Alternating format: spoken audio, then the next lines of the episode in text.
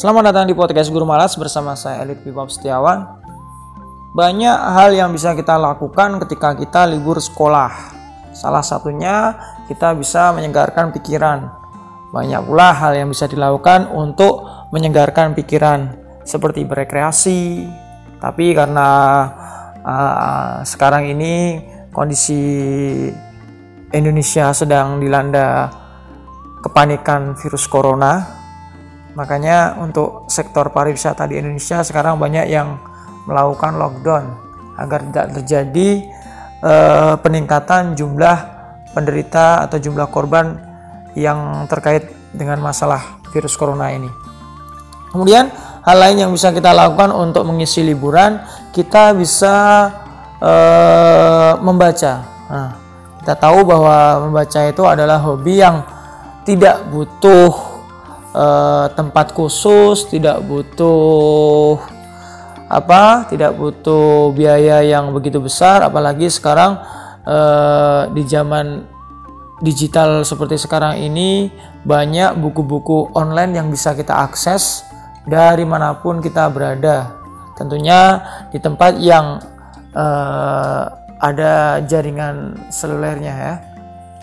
Kemudian Hal lain yang bisa kita lakukan untuk mengisi liburan itu bisa kita gunakan untuk e, menyalurkan hobi kita dalam melukis misalnya.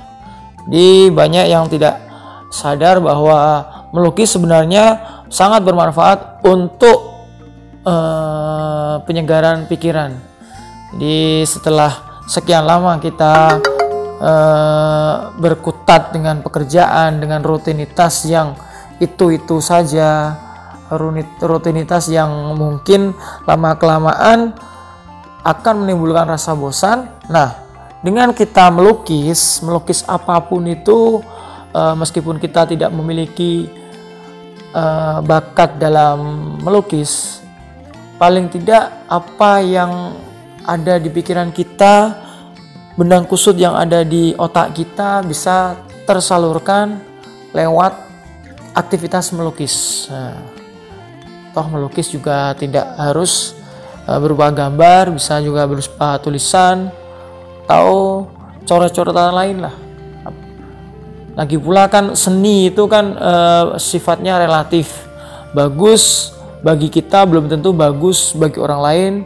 Demikian juga sebaliknya bagus buat orang lain belum tentu buat kita juga bagus.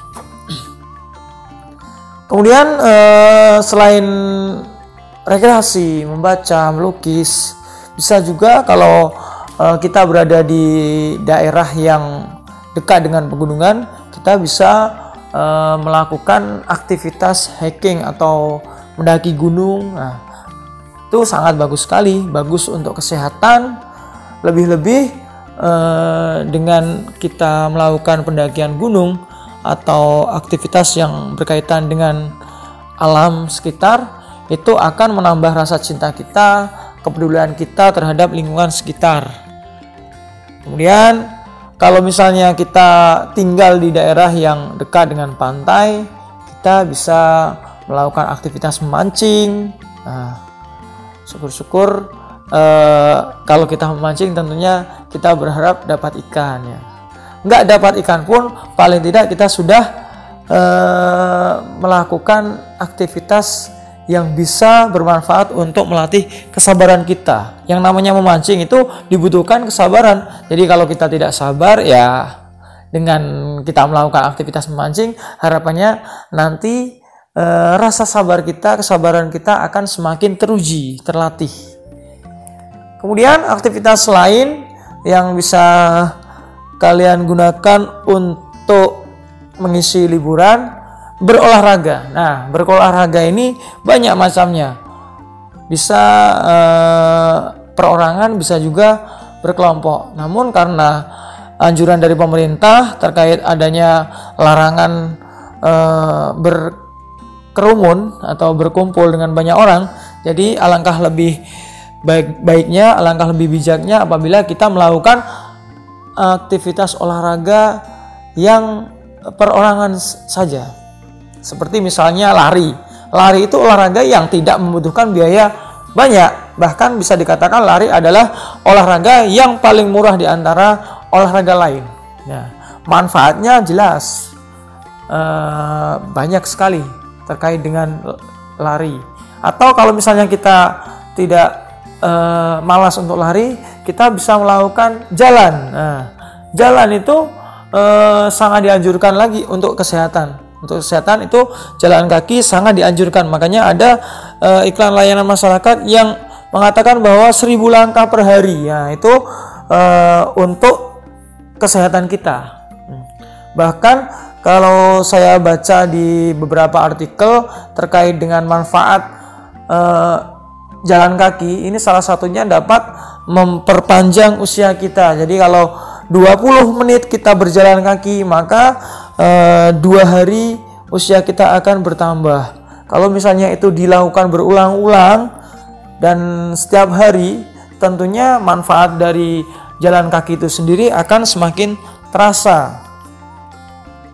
Nah, apalagi di era sekarang ini eh, kegiatan atau rutinitas jalan kaki untuk masyarakat Indonesia bisa dikatakan masih sangat minim. Jadi kalau misalnya rata-rata uh, untuk kesehatan itu jalan kaki yang sangat dianjurkan oleh WHO itu ada 4000 langkah. Eh, di Indonesia mungkin sekitar baru 3000 langkah per hari. Itu menandakan bahwa masyarakat Indonesia sebagian besar masih malas jalan kaki. Nah, kita lebih sering menggunakan motor mobil angkutan umum sepeda meskipun sepeda itu juga salah satu olahraga juga nah tapi Alangkah lebih baiknya apabila kita mulai sekarang membiasakan diri untuk jalan kaki. Ya, minimal kalau misalnya belum bisa 20 menit per hari, paling tidak kita mulai dari 5 menit saja jalan kaki. Tuh. Di negara-negara yang sudah sadar akan kesehatan seperti contohnya Korea, eh, Jepang itu di atas rata-rata. Jadi eh, kalau misalnya rata-ratanya tadi saya bilang per hari itu 4000 langkah di dua negara yang saya sebutkan tadi rata-rata perharinya orang jalan kaki 6000 langkah.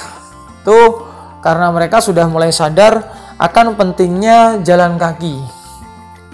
Nah eh apa lagi ya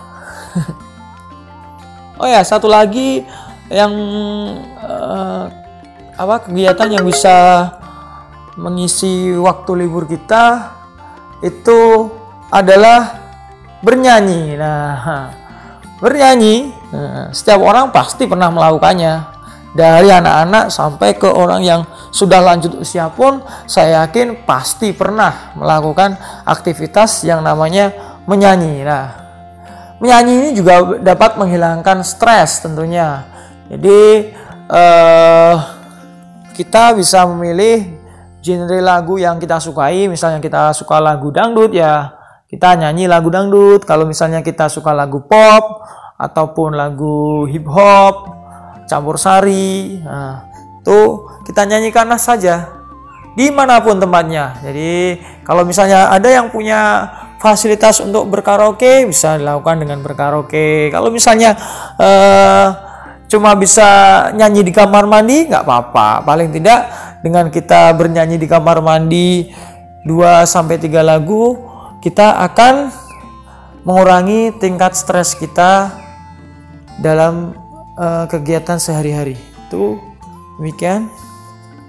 Oh ya, satu lagi kegiatan yang bisa kita lakukan untuk mengisi waktu libur itu adalah berkebun. Nah, menanam semua jenis tanaman itu sangat bermanfaat untuk kehidupan yang akan datang hari ini kita menanam satu pohon atau dua pohon, tiga pohon, itu akan e, bermanfaat untuk kehidupan kelak di kemudian hari. Anak cucu kita nanti yang akan merasakan manfaat dari e, kalau misalnya kita menanam pohon sekarang.